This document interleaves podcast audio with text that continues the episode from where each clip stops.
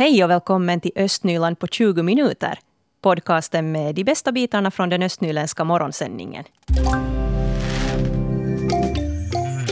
För de flesta elever så är det idag den sista skoldagen i skolan på länge. I en månads tid så gäller sedan distansundervisning för majoriteten och redan idag så har en del föräldrar valt att hålla barnen hemma.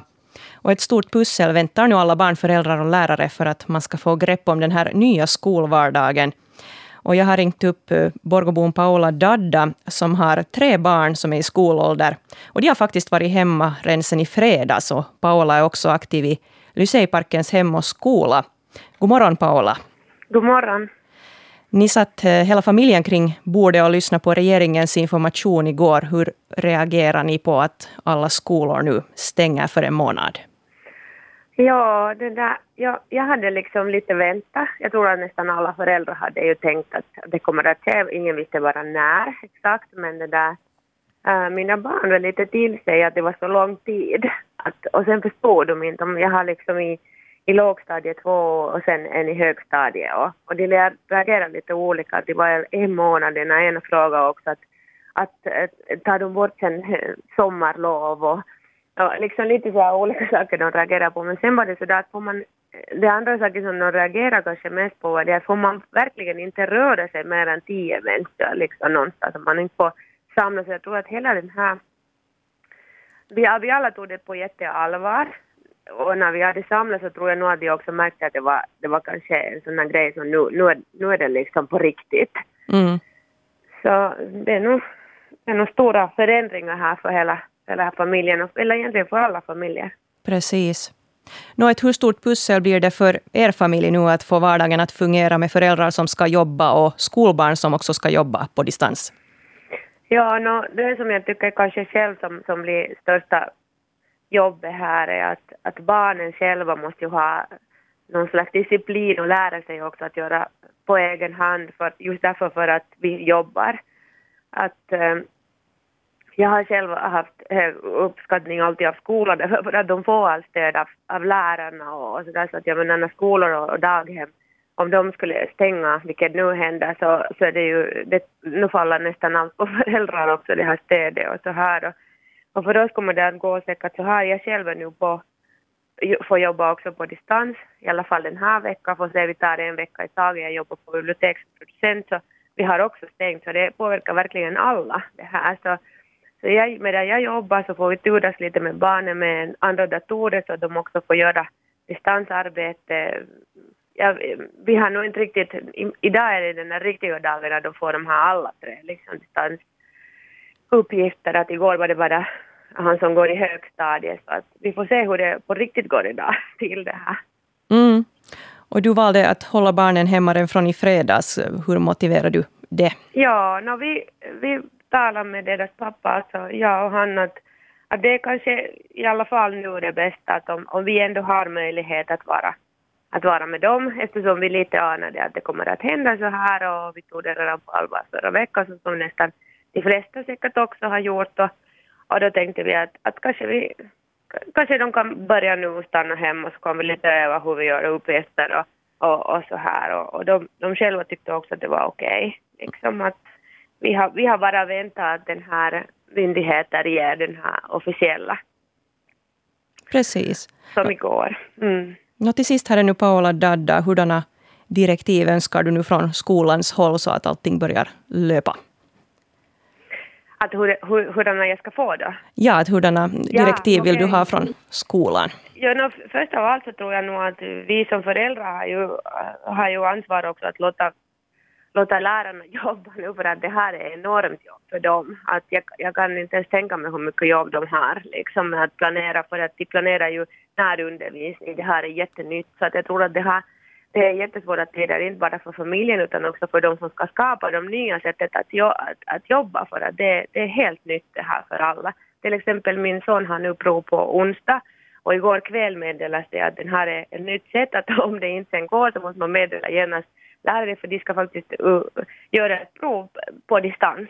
Liksom, mm. så, att, så att jag tror att, uh, ja, jag som förälder förväntar mig liksom direktiv men jag är också jättetacksam och, och, och liksom ser hur, jobb, hur jobbigt och stort det här blir för också dem så att vi måste ha tålamod och, och också för, och ge liksom rum för alla för att jobba med de här nya sättet som sagt.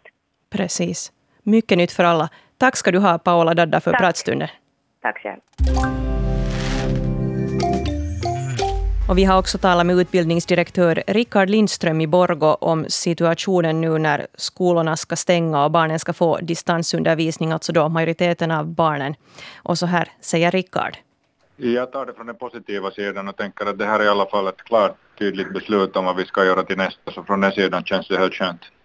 Skolstoppet träder i kraft på onsdag. Nu har ni då ett dygn på er här att jobba med det. Vad, vad allt ska, ska ni göra här? Ja, nu tolkar jag ju regeringens linjedragning som att vi, vi, vi stänger skolorna på det viset att, att vi fortsätter med distansundervisning men inte med närundervisning. Och den här distansundervisningen har vi nu inte har vi ju haft gott om tid, men vi har i alla fall haft lite tid på oss att förbereda och, och, och nog tänkt att det här är, här är liksom det som är på väg, så där är vi rätt bra nog på gång. Det som är nytt i det här nu att den här årskurs 1 till 3 och, och vissa av eleverna ska i alla fall få närundervisning.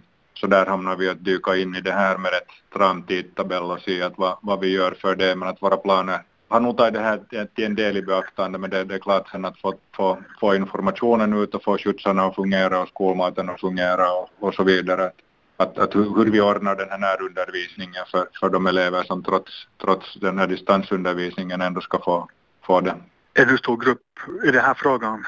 Det är en bra fråga. Jag ställde just den här ett ögonblick ska vi se. Nu, nu vet jag inte men så där hastigt tänkte jag så här att om det är 1 till 3 så räknar jag med tre grupper att vi skulle ha då en för årskurs 1, en för årskurs 2 och en för årskurs 3. Det här är då grupper som är avsedda för eh, barn vars föräldrar måste vara på jobb. Ja, jag hittar inte rätt benämning på svenska men de som jobbar inom för samhället viktiga uppgifter, räddningsväsende, polis och så vidare, sjukvård. Så för, för de här så uppfattar jag liksom nu regeringens åtgärder som att vi, vi behöver se till att de här eleverna kan gå i skola, liksom vad vi kallar närundervisning. I alla fall så, så för, för de här eleverna ska vi, ha, ska vi ha skolan öppen. Hur tror du lärare och elever tar emot det här beskedet? Ja, jag, jag, tror att många tänker som jag nu att det har varit, ska vi nu säga att psykologiskt väl, väl överlag det att osäkerheten är krånglig att ta och nu har vi ett tydligt beslut och, och jag tror att lärare, rektorer, undertecknad uppfattar det här i alla fall som att nu vet vi vad vi ska dyka in i och, och, och göra. Säkert finns det en viss oro, en viss osäkerhet kring vad det betyder och hur vi fixar det. Speciellt distansundervisning för de yngsta eleverna. Men, att, att, men med vill man hjälpa med lite talkoanda och föräldrarna och så här så tror jag att det finns nog liksom bra förutsättningar att få det här att fungera någorlunda en, en trygg vardag och en, en, en rätt bra undervisning i alla fall. jag, jag tror nog att man med gott mod och bra anda dyker in i den här utmaningen i skolan. Och sen om en månad, vad, vad händer sen? Vi följer ju på något sätt hela tiden med var eleverna finns och sätter in sådana åtgärder som vi tycker att behöver för att de ska nå de mål som finns enligt läroplanen. Men nu får vi vara extra noggranna med att fundera att hur gör vi det? De som ännu snabbt kommer på sig det att extra stödundervisning kommer vi säkert att ta till och så kan man förlänga läsåret med högst sex dagar. Utbildningsdirektör Rickard Lindström, hur mycket tappar nu elever? Hur mycket missar de av sin skolgång och, det som de borde lära sig nu på, på grund av allt det här? No, det är helt klart att distansundervisning, speciellt för de små eleverna, så inte det ju alls samma sak som närundervisning. Att inte ska vi hymla med det. Samtidigt tänker jag från den andra sidan att, att eh, en månad i ett barns liv så är det viktigaste att man mår bra, känner sig trygg och, och håller sig till rutiner. Och, och det här att nu, nu, nu ordnar det sig, inte det liksom, trots att det inte alls är samma sak med distansundervisning som närundervisning, så nu tror jag att vi får ett helt OK resultat för det här läsåret i alla fall. Och det trodde utbildningsdirektör Rickard Lindström i Borgo och vår reporter Mikael Kokkola ringde upp honom, honom igår just därefter att regeringen hade informerat om de här kommande åtgärderna. Igår när jag var i matbutiken på kvällen så gapade många hyllor rätt tomma. Det fanns bara lite bröd och inte ett enda paket malet kött hittade jag. Och toapappret det var ju så gott som helt slut. Det här hade ju lite skojats om också på sociala medier, det här med toapapper och att folk nu har hamstrat det. Men andra livsmedel som sagt också försvinner från hyllorna.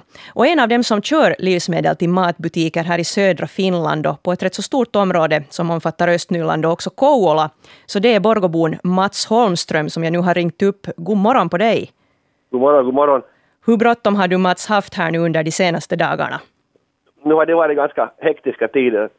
det, det blev genast på, på torsdag e- eftermiddagen efter det kom i nyheterna att, att det blir en krissituation så, så genast så var butikerna fulla och, och hyllorna tomma. Ja, no, vilka varor har du kört ut mest nu?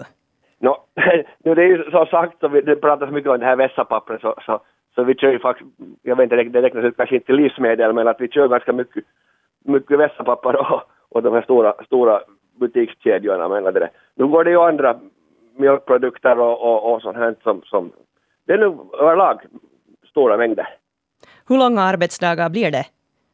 Då, vi kan ju inte med våra körtider bli så långa arbetsdagar, men vi får ju alla, alla, alla, alla killar och alla ledigheter innebär alla som vi får loss bara så hamnar till, till jobb dag som natt så är det. Mm. Själv har jag kört ganska mycket nu på natten. Just det. Nå, får ni då tag på de produkter som behövs eller är det problem med att få ut från lagren? No, nu, här har vi fått nog, fått nog det där det som det behövs. Men nu var det faktiskt var det prat i natt att det där, det, det börjar nog ta slut i lagren.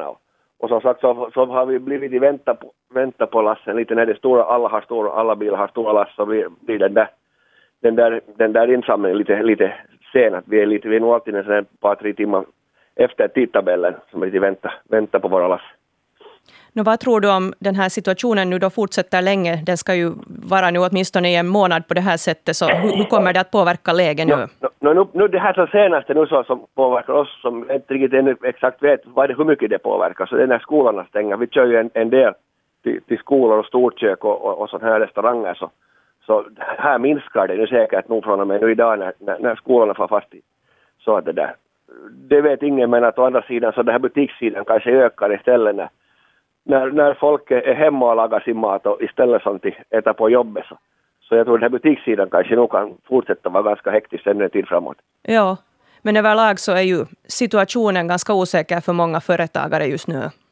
Jo, jo det är nog, det är nog en, en, en speciell tid som, som det där. Men, men vi på livsmedelssidan här så här är det nog varit ganska hektiskt nu det här senaste, allt sen torsdag nu jag satt ett veckoslutet och, och nu det här början på den här veckan ännu har varit, varit ganska bråd. Mm. Nå, behöver en vanlig östnylänning nu vara orolig för att maten i butikshyllorna tar slut? Nej, det, det, det, tror jag nog inte. Det tror jag nog inte att nu, nu finns det, nu finns det mat att få. Fint. Kanske inte just det, just det produkter som man vill ha, men, att, men, att det, men i varje fall så det finns något. Inte, inte behöver jag rädda tror jag att, vi blir till gå hungriga. Precis. Onödigt att hamstra utan man köper an efter. Jo, jo, jo. För många människor, speciellt för dem som är i riskgruppen, så har livet blivit lite mer krångligt nu under den senaste tiden på grund av coronaviruset. Hur hjälper man riktigt folk i dessa tider? Vår reporter Fredrika Lindholm hon har pratat med några hjälpsamma personer i Östnyland. Sari Rauvanto Eriksson hon är en av dem som offentligt har erbjudit sin hjälp åt behövande i Nickbytrakten. Men vad fick henne att erbjuda sin hjälp åt andra? Så här svarar Rauvanto Eriksson. Tulee mieleen sille, parin vuosikymmenen takaa, kun olin tota, aivan yksin suurin piirtein elämässä. Ei ollut För många år sedan så, så var hon i en, ja, i en sån situation att hon hade inget socialt nätverk runt sig, hon kände inte så många människor. Hon var liksom ganska ensam och hon hade ett litet barn Eh, så blev hon hemskt sjuk och kunde nästan inte stiga upp från sängen trots att hon då hade ett litet barn och hon fick inte hjälp någonstans ifrån. Och hon berättade då att hon bara önskade att om någon bara skulle kunna hjälpt henne med att gå till butiken eller vad som helst så skulle det ha varit till stor nytta. Um, och nu när det här coronaviruset blev aktuellt så började hon på något sätt um, tänka tillbaks till den tiden och tänkte att hon vill hjälpa om någon skulle vara i en liknande situation. Har någon redan tagit kontakt med dig? Äh, vielä ei ole tota, no, niin, ihmiset ihmiset tota noin, niin, niin, ottanut yhteyttä, että tämä on varmaan niin alkuvaihe. Ännu har ingen tagit kontakt men hon antar att det beror på att folk har ännu mat hemma och det är inte jättemånga som är sjuka ännu. Att hon räknar med att det kanske kommer, kommer människor som behöver hjälp i ett senare skede men så säger hon också till slut att det bästa skulle ju vara om det skulle sluta med att, att, att ingen behöver hjälp och att vi bara ja, klarar av det här med att vi blev skrämda och att, och att det inte skulle bli värre än vad det är nu. Där hörde vi alltså Sari Rauvanto Eriksson. Gun Wallén, du är sjukskötare på Gråberg i Lovisa. Och det är ju så att man får ju inte för tillfället hälsa på sina äldre släktingar eller äldre bekanta just på grund av att de är i riskgruppen för det här coronaviruset. Och jag undrar att, vad gör ni där på Gråberg för tillfället för att pigga upp de äldre trots att de inte får ha besök av andra? Mm, vi håller högläsningsstunder och, och då läser vi tidningar men också lättlästa böcker. Man kan vara ute om vädret tillåter och de vill själva fara på innergården, grilla korv med mera där ute. Eller bara sitta och njuta av solen om det, om det är solig dag. Och vi spelar olika spel. Bollspel, brädspel, pussel och pyssel av olika sort. Och så har vi musikstunder, boende som spelar munspel och personal som spelar tvärflöjt och blinkar på piano och, och så sjunger vi också. Att nu finns det ju allt möjligt, det är bara fantasin som är, som är det där gränsen för vad man kan göra. Där hörde vi alltså Gun Wallén. En annan som också har valt att hjälpa är Borgobon Evelyn Asaftei. Hon är en av dem som har registrerat sig på den nationella sidan som heter Corona-Apu, alltså Coronahjälpen. Så här säger hon då jag ringer henne för att fråga varför hon valt att registrera sig där. No, egentligen så jag, jag har varit där på nappinapuri.fi med, jag har varit med där säkert i några års tid. Och så kom det här för någon dag sedan kom det då e-post åt alla som är registrerade att nu har de också öppnat den här corona-apu, coronahjälpen funktion. Och så tänkte jag men why not att i, i mån av möjlighet och efter arbetstid så hjälper jag gärna till. Så jag var där och jag får in dit då och, och liksom aktivera det här corona, coronahjälpen. Så ser vi bara att här i, i Borgå fanns en gammelbacka Alkrog främst så, så jag vill att hjälpa till om någon behöver hjälp med till exempel sån här dag, daglig varushopping och, och apoteksbesök om, om, om det finns folk som själv inte vågar gå ut på grund av det här situationen. Så i princip det här med att hjälpa, hjälpa grannar, så det är, inte, det är inte något nytt för dig utan det är någonting som du håller på med länge? No, jag, jag är en hjälpsam person så hjälp, jag hjälper nog åt vänster och höger och, och, och oberoende av frågan om grannar eller släktingar eller vänner så jag, jag, jag hjälper gärna till i grannskapet också. För man lär sig känna, känna grannar bättre på det sättet och, och genom att hjälpa får man, får man säkert hjälp själv sen när man själv är i behov av det. Och det konstaterar Evelyn Asaftei och det var Fredrika Lindholm som var reporter. Och till exempel, till exempel också frivilliga från Röda Korset i Borgå hjälper dem som behöver. Om man vill få hjälp så kan man nå dem på numret 040 757 1236. Alltså om man behöver hjälp av frivilliga från Röda Korset så är numret här i Borgå 040 757 1236. Och faktum är ju, Fredrika Sundén, vår morgonreporter, att man kan gå till butiken helt som vanligt och handla. Precis, fast vi nu befinner oss i undantagstillstånd. Eller vi ska säga att vi kommer att göra det. Nu här bara riksdagen att fatta, fatta beslut om det. Men eh, det att regeringen då begränsar offentliga sammankomster till tio personer och, och rekommenderar att folk undviker att vistas på allmänna platser i onödan, så det påverkar inte butikerna och, och kaféerna och restaurangerna och sånt här, ännu i det här skedet åtminstone. Eh, men det som är klart är att nu åtminstone matbutikerna och apoteken kommer att hålla öppet helt som vanligt. Sen får vi se hur det blir med andra, andra butiker här framöver. Men att åtminstone idag så, så kan man gå och handla helt som vanligt till alla butiker. Men man kanske då inte ska bli där och, och vistas i onödan och kanske inte eh, stå och diskutera med någon bekanta i butiken och så här. Mm. Det, det lönar sig det att undvika där. Så att eh, man kan tillägga här också att man behöver inte bunkra upp med 50 paket malet kött till exempel eller 10 eh, säckar med toapapper. Det kommer nog mera till butiken och vad vi alla handlar det vi behöver så, så kommer det att räcka åt alla och alla kommer att kunna gå i butiken helt som förr. Ja. Och om man är över 70 år så ska man tänka på att inte röra sig onödigt bland folk. Ja, regeringen sa alltså att eh, man kräver nu att 70-åringar håller sig i avskildhet. Eh, och det betyder det att man ska undvika eh, onödig närkontakt och kanske då inte heller fara och hälsa på, på far och morföräldrar i onödan och så där. Så att om man nu har någon äldre granne eller någon äldre släkting så håll nu för alltid världen telefonkontakt. Ring och kolla hur de har det. Och fråga också så här att behöver de hjälp med någonting? Att kan man handla och, och lämna varorna vid dörren eller, eller något så här. Så att de inte blir ensamma ändå, men att eh, man då undviker kontakt för att smitta, för att de hör då till riskgrupperna. Mm. Och det har ju kommit en massa information nu om coronavirus och det är ju svårt kanske att hinna sammanfatta allt nu så här i en radiosändning, men är det någonting annat viktigt du här kommer att tänka på nu som man, man kan hålla i minne? No, sån här fritids och kultur och hobbyverksamhet så läggs nog ner i ganska hög grad.